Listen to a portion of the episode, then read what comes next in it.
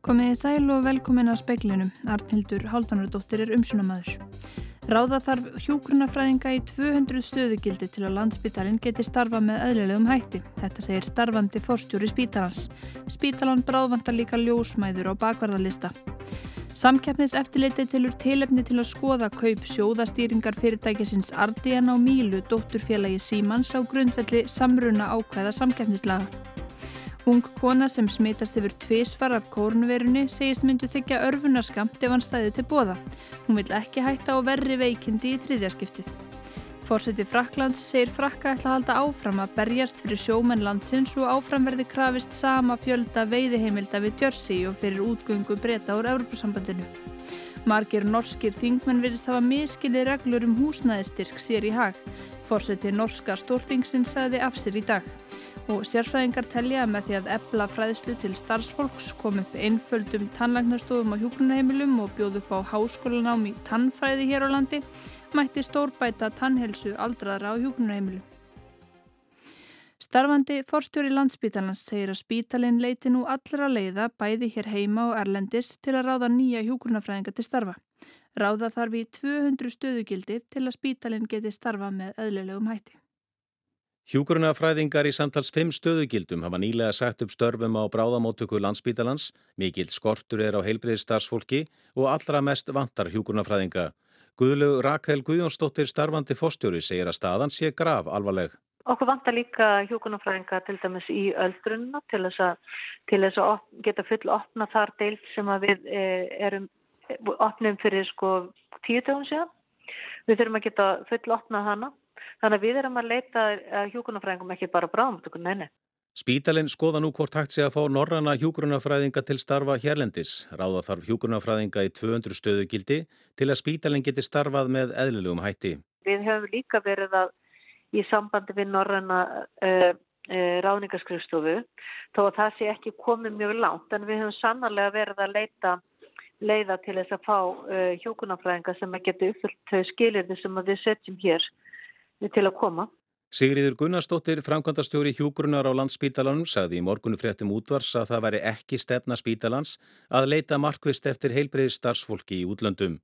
Guðlög segir að ekki sé verið að hverfa frá þessari stefnu en það verði mönnunarvandin ekki leistur með erlendu starfsfólki. Þá telur hún að landsspítalensi samkettnishæfur um starfsfólk þrátt fyrir ítrekkaða umræðum of mikið álag og lélegan aðbúnað. Ég held að við séum alveg klárlega uh, samkeppnishæf hvað það verðar og ég er nú nýlega búin að vera bara í samskipti við hjókunarfórstýra sem er í Finnlandi og mér sýnist það nú að við séum það. Það er nú talað um það að laun hjókunarfræðinga sé ekki óskaplega há hér á landi og, og svo þekkjum við þessa umræðum aðstöðuna þannig að þú telur samt sem áður að við séum samkeppnishæf. Já, ég held að við séum samkeppnishæf en ég held að það sé alþjóðlegt að laun hjókunarfræðinga sé ekki há sagði Guðlug Rakel Guðjónsdóttir, höskuldur Kári Skram tók saman. Landspítala bráðvantar ljósmæður á bakvarðalista vegna fjölda starfsmanna í sótkví og einangrun. 260 starfsmenn spítalans er í sótkví og 23 í einangrun. Dögg Haugstóttir, forstuðumadur Kvenna og barnaþjónustu á landspítala, segir að þungaðar konur þurfi ekki að óttast, þjónustan verði ekki skert en fósturgreining og skoðunum gæti senkað. Við erum með ofáa ljósmaður með það sem við myndum vilja hafa nú þegar. Þannig að þegar við lendum í að við missum margar út þá náttúrulega getur það valdið því að við þurfum að senka til dæmis sónaskoðunum í fórstugreiningu eða þá að það verði lengri bíð þegar fólk er að koma til okkar á móttökuna til dæmis í bráðafjónustu en það þarf ekki að hafa áhugir af fæðingunum. Við tökum á móti öllum konum sem koma í fæðingu við forgangsöðum. Það sem ekki getur beðið, það býður ekki. Er óvenni mikið um fæðingar? Já, það er mikið fjölkun á fæðingum í ár. Í dag sem sé hafa fæst 300 fleiri börn miða við sama tíma í fyrra. Er þetta COVID-börnin? Já, allir það ekki.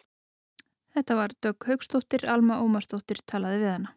Samkjafnis eftirlitir telur tilefni til að skoða kaup sjóðastýringar fyrirtækisins Ardian á Mílu, dótturfélagi Símans á grundvelli samruna ákveða samkjafnislaga. Kallað hefur verið eftir samruna tilkynningu vegna kaupana. Samkeppniseftirlitið óskaði eftir sjónarmiðum um málið í byrjun mánadar en ekki er um tilkynningarskild viðskipti að ræða. Sjónarmið bárust frá 12 hagsmuna aðilum sem flestir kvöttu eftirlitið til þess að kalla eftir tilkynningu vegna samrunans og mögulegra áhrifa hans á samkeppni á fjarskiptamarkanum. Auk þess aflaði eftirlitið ímissa gagna um viðskiptin frá samruna aðilum. Á vef samkeppniseftirlitsin segir að þrátt fyrir að jákvæð samkeppnisleg áhrif geti orðið af því að slitið sé á loðrétt eigna tengsla á milli símans og mílu þurfið að rannsaka hvort önnur atriði tengd samrunanum geti leitt til skadlegra áhrifa á samkeppni. Sem dæmi telur samkeppniseftirlitið mikilvægt að taka til skoðunar viðskipta samband símans og mílu í kjölfar samrunans og möguleg áhrif þess á hagsmunni keppinauta og samkeppni á viðkomandi mörguðum. Alma Ómarsdóttir saði frá. Ung kona sem hefur smitast tvísvar af kórnverðinni segist myndu þykja bóði örfunaskamt ef það bærist. Konan sem heitir Rebecca Karlsdóttir smitaðist í fyrra skiptið um verslunamannahelginni fyrra og fekk væg flensuenginni. Hún var í framhaldinu bólusett með Janssen bóluefninu en fekk ekki örfunaskamt vegna þess að hún hafi smitast af verunni. Hún smitaði séðan aftur nýverið og kom smitið fram í hraðprófi sem hún fór í fyrir viðburð og var hún þá engjana laus. Þrátt fyrir smitin 2 hefur hún ekki mælst með mótefni. Rebecca segir að yrðum bóðið í örfunarskamt þá mynd hún þykjan. Já, ég myndi gera það. Ég er auðvitað heppin að ég hef sloppið mjög vel við þessi veikindi þó að einangrunin og innilókunin sé að erfiðasta en ég veit aldrei hvort að maður sé að fara að veikast einhvern tíman verð og ég myndi ekki vilja taka áhættin á því. Þetta var Rebecca Kallstóttir, nánar verður rætt við sjómarsvettum. Íbúar á úthýraði óttast bæði sjón og örplastmengun frá vindmilum sem orkusalan áformar að reysa við lagarfossvirkjun. Stuðningsmenn segja mikilvægt að framleiða græna orku. Orkusalan hefur fengið leifi fyrir 50 metra háu tilraunamastri til að meta vindorku við lagarfossvirkjun á svo kalluðu úthýraði. Það er svæðið frá héraðsflóa inn í áttað eigelstöðum. Fyrirtækið áformar að reysa þar tvær 150 til 160 metra háarvindmilur sem getur framleitt tæp 10 megavött af raforku. Fulltrúar miðflokks og Vafgi í sveitarstjórn Múlaþings voru á móti því að veita leifið en fulltrúar austurlista, framsóknar og sjálfstæðisflokks stuttum álið. Frakkar ætla ekki að falla frá kröfum sínum um að öllum útistandandi fiskveiði heimildum í landhelgi eigunar Djörsi verði útlutað til franskra sjómana. Yfirvöld og eiginni vilja aðeins gefa út tímabundin veð, veiðilefi. Jersey er sjálfstjórnar Eiríki á valdi bresku krúnunar í Ermarsundi næri norðurströnd Fraklands. Emmanuel Macron, forseti Fraklands, segir frakka ætlað halda áfram að berjast fyrir sjómenn landsins og áfram verði krafist sama fjölda veiðiheimilda við Jersey og fyrir útgöngu breyta úr Evrópusambandinu. Yfirvöldi í Jersey krefjast þess að franskir sjómenn geti sannað að þeir hafi veitt í kringum Jersey áður en breytar yfirgáfu Evrópusambandið í janúar. Markir sjómenn eiga erfitt með að sína fram á það. Í ofanálag hafa yfirvöldi Jersey aðeins gefið út tímabundin leifi til þeirra sem fá þau. Frakkar krefjast þess að leifin verði varanlegi samræmi við viðskiptasamning breyta við Evrópusambandið. Harðar deilur hafa verið á milli ríkjana vegna fiskveiði heimildana. Frakkar hótuðu því meðal annars að banna breskum bátum að landa aflað sínum í frönskum höfnum og að eftirlitir þið haft með öllum innflutningi frá Breitlandi. Það reyti því franska sjómenn til reyði í gær þegar sjávar útvegs ráðhrann Annik Girardín virtist sína uppgjöf í samningum um veiðiheimildir við Jersey. Þá sagði hún stjórnvöld verið að undirbúa um 40 til 60 miljóna evra sjóð svo hægtir þið að greiða sjómanum bætur fyrir að geti ekki sótt sjóin. Róbert Jóhansson saði frá. Forstjóri Hrafnistu segir hjúgrunarheimili nöðsynlega að þurfa stuðning sérfræðinga til að sinna tannheilsu íbúa.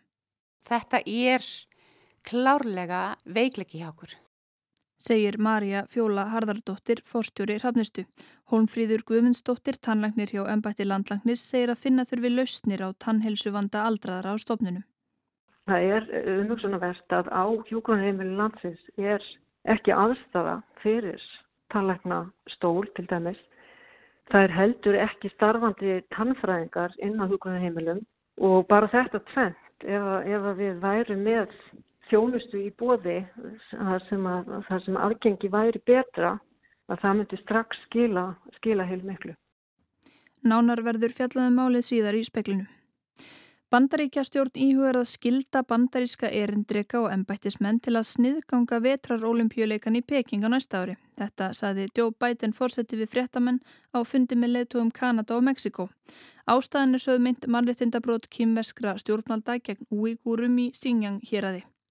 Upplýsingafulltrúi kínverska utanríkisráðunitisins brást við umælum Bidens og saði að stjórnmálavæðing í Íþrótta gengi í berhög við olimpíu andan.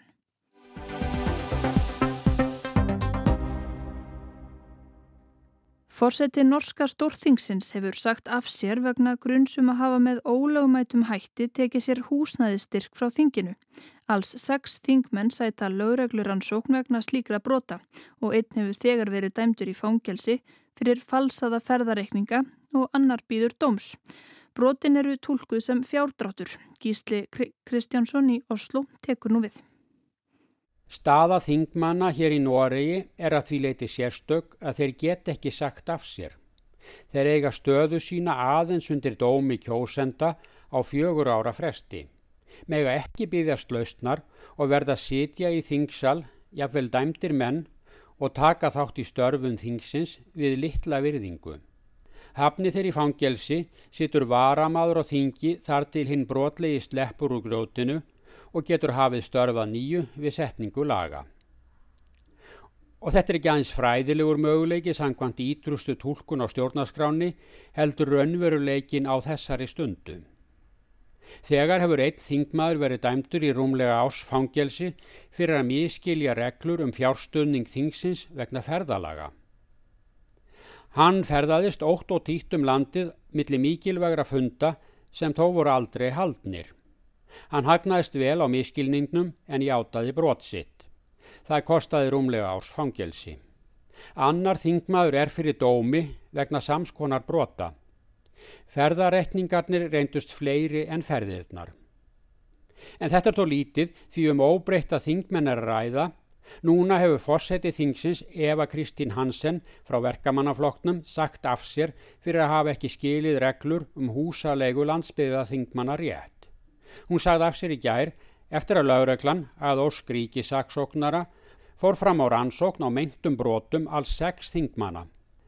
Þar á meðal er fórseti þingsins sem gengur næst konungi að virðingu í stjórnskipuninni. Fórseti þings er kjörin af fulltrúum fólksins og því fremsti vörður líðræðis í landinu, en svo bregðast krosstré sem önnurtré. Þetta veldur sérkennilegri stöðu hér í konungsríkinu.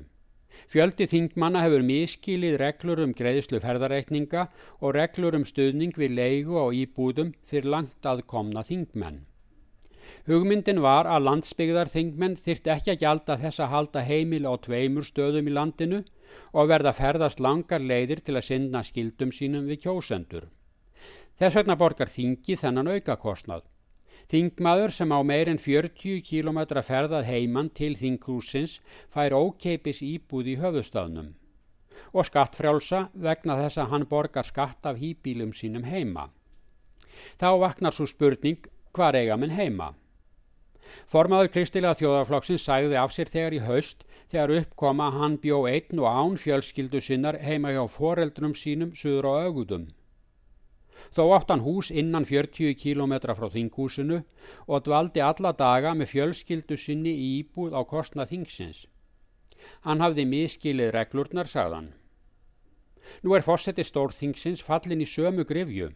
Hún bjó árum saman í gestaherbegginu hjá flokksbróður sínum á þrændalögum en átti þó hús í 29 km fjallað frá þinghúsinu og bjó í raun í höfuborginni í íbúð frá þinginu. Svona er hægt að miskilja reglurnar og merkilegt hver margir þingmenn hafa miskilja reglurnar sér í hag. Alvarleiki málsins núna magnast við það að það er sjálfur fósetti þingsins sem sættir lauruglu rannsókn og að rannsókn á líkum brotum hefur leitt til fangavistar. Fer þingfósettin í fangelsi. Þess vegna sagði hún af sér þegar í gær. Reynslan sínir að saksóknari er ekki lampa að leika sér við þegar hann fer á stúfana. Því hefur fórsætist nefnd þingsins núna ákveða að láta vinna allt upp á nýtt og setja saman nýja reglur um stuðning við utanbæjar þingmenn í höfuborginni. Ekkert á að fara á milli mála um með greiðslur til þingmanna. Þar á meðal verður að líta eftir hvort þingmaður utan af landi heldur í raun og veru heimili þar eða býra nafninu til hjá foreldrum sínum og vinnum. Og þá að koma á nákvæmara eftirliti með hvort ferðir þingmanna út í kjördæmi séu raun farnar. Að þingmenn sendist sjálfur til umbjónda sinna en sendi ekki bara rekningin á skrifstofu þingsins.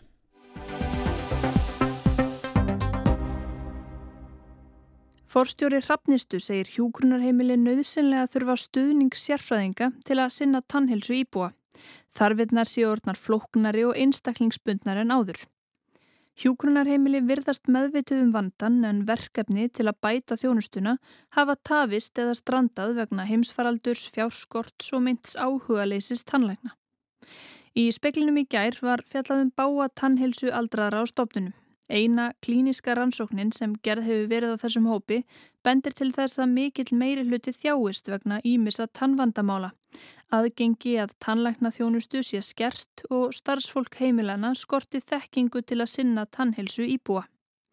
Sífælt stærri hluti aldraðra heldur sínum tönnum er með brýr eða fast tannkerfi og það kallar á mun flóknari og sérhæfðari þjónustu en áður. Marja Fjóla Harðardóttir, forstjóri Hrafnistu heimilana, er meðvitið um vandan og hversu neikvæð áhrif það hefur á heilsu fólks og líðan að vera með verki og bólgur í munni.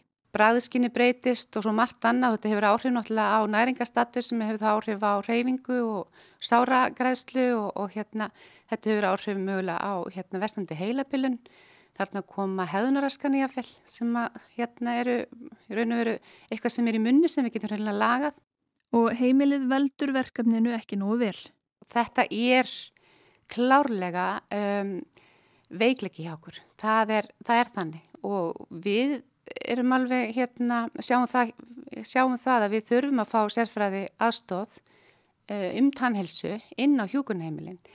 Uh, fræðsla um hreinsun tanna, hún er alltaf til staðar hjá okkur og við kennum okkar starfsfólki að hérna hreinsa tennur En þetta er miklu floknarnir svo. Þetta er ekki lengur þannig að við getum hérna að haldi fræðslu um að svona er að gera þetta. Þetta er einstaklingsmiðað og við þurfum að horfa á þannig.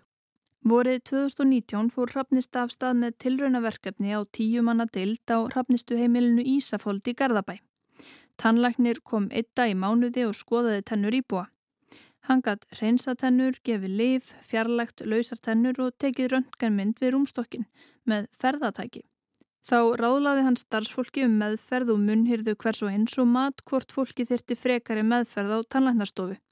Starfsfólkinu var létt að vita að munnhyrðunni væri betur synd, en svo kom COVID. Og þetta er bara verkefni sem við þurfum að taka upp aftur núna eftir heimsfaraldur og halda áfram með. Segir Marja. Á Hrafnist í Reykjanesbæ hefur verkefnið þessu tægi verið við líði í nokkur ár. Fleiri heimili hafa ráðist í sambærileg verkefni, fengið fagfólk til að koma og meta þarfir heimilismanna og leiðbina starfsfólki. Slíkt verkefni var í startólunum á grund skömmu fyrir faraldur en var sett á byð vegna hans. Aldraðir á hjókunarheimilum eigu oft erfitt með að fara til tannlæknis og tannlæknastofur eru ekki endilega útbúnar til að taka á mótið þeim. Það getur reynst tannlæknum erfitt að fá hinn aldraða til að vinna með sér og verkinn taka kannski lengri tíma en hjá öðrum og einstaklingu sem er komið með heilapilun að hann gæti þurft að fara nokkur sem til tannleiknis þanga til að það tekst að fá að skoða munnin og gera eitthvað. Fyrir allmörgum árum voru reknar tannleiknastofur á tveimur rafnistuheimilina í Hafnarfyrði og á Laugarási. Marja segir stofurnar hafa gefist mjög vel og myndi vilja endurvekja þær. Það strandaði á áhuga, myndi ég segja, og mögulega getu. Ég er svo bjart sína eðlisfæri, ég trúi því að þarna er fólk sem hefur áhuga og hérna en bara ég þarf að finna það. Þarna áhun við áhuga tannlæknana sjálfra og fleiri hafa nefnt þetta áhuga leysi tannlækna við speilin. Helga Ágústóttir, öldrunar tannlæknir og sérfræðingur í heilbriðisraðunetinu er í hlutastarfi við að sinna sjúklingum á tannlæknastofu á Landakottsbítala. Hún er eini starfandi sérfræðingurinn í öldrunar tannlækningum á landinu og vonar að fleiri fara að leggja fæði fyrir sig, ekki sé að vannþurf á nú þegar þjóðin eldist hratt. Helga telur að helst þyrta að vera aðstafa fyrir tannlækna inni á hjúgrunarheimilum, stóll, góð lýsing og grunn tækjabúnaður. Hún spyr sig hvort tannlæknar og fóta aðgerðafræðingar gætu ég að vel samnýtt aðstöðu. Þú þarfst að hafa ymsar, ymst tækja og tól til að geta gert góðar tannlækningar Það er ekki bara hægt að bórast yfir einhverju sjúkrarum inn á, á hjókrunheimili með tangir og drag og tennur. Það er ekki það eina sem við viljum gera. Hún bendir á að kostnaður eigi ekki lengur að hindra íbúa hjókrunarheimila í því að fara til tannlæknis. Almenn þjónusta sé niðurgreita fullu. Það er ekki lengur afsökun eins og hjókrunarheimil voru stundum að segja að aðstandur vil ekki borga fyrir þetta og við viljum ekki borga fyrir þetta og eitthvað svona að þetta er, er þröskuldur sem er farin og ég kannski veit fólk ekki nóg vel af því. Helga hefur lagt til að ríkið setja upp sérstakka tannlæknastofu fyrir færniskerta einstaklinga, aldraða, sjúklinga og fólk með föllun sem tannlæknar geta nú ekki tekið á móti. Það þarf liftara kannski til þess að setja fólki yfir í stólinn, það þarf, gott pláss og, og hérna, það er bara víðast hvar á tannlæknastofunni verið að spara plássið og það er ekki ekki gert ráð fyrir því að þess að þetta keira bæði sjúkrarúm þar inn og, og liftara og alls konar græur. Kanski eru tannlæknar ekki aðal lausnin. Allir sem speilin hefur rætt við um þessi mál hafa nefnilega nefnt aðra stjætt sem þeir telja líkilinn að lausn vandans, tannfræðinga, að fá þá til starfa inni á stofnunum. Vandin er sá að tannfræðingastjættin er fámenn, aðeins 15 í félagi tannfræðinga og allir mentaðir í útlöndum. Fyrir hrun var vinna við að setja á fótu nám í tannfræði við Háskóla Íslands langt komin. Það þarf bara að endur vekja það og það er bara, já, mm -hmm. spurningum hver allar í það. Segir Kristrún Sigurðardóttir tannfræðingur og kennari. Hún efast ekki um að tannfræðingar varu til í að ráða sig inn á hjókunarheimilinn og sinna flókinni umhyrðu og fræða starfsfólk. Tannfræðamentinum byggir upp á forvörnum og, og þeir sem að hafa áhuga að læra tannfræð þegar eru þeir sem hafa áhuga að vinna þessi störf. Raunar hafi tannfræðingur starfað á dróplegarstöðum um nokkurt skeið og gert þar mjög góða hluti. Svo var það skorinir þú veist lega að fara að þrengja að líkil hugtaki hérna er vöndun á peningum sko til að fjármagna stöður inn á þessum stopnunum, fjármagna nám og, og allt þetta og rannsóknir líka sko. Marja á Rafnistu segir fólk oft halda fast í að fá að bursta tennuna sjálft. Það geti tekið starfsfólk langan tíma að sannfara íbúum að leifa sér að bursta. Þekkt triks þegar að íbúi vill ekki láta bursta sig er að byrja að tannbursta íbúin með súkulaði til að vinna tröstans, færa sig svo yfir í hefðbundi tangrem. Að hennamati eru umönunar klukkustundir á íbúa og fáar. Ef starfsfólk ver 20 mínútum í þetta tvísar á dag er hægt við því að það bytni á öðrum þáttum í umönunni. Þetta er náttúrulega samtal sem að ég myndi gerna vilja eiga við bæði heilbreyðsraðunitið og embati landlarnis.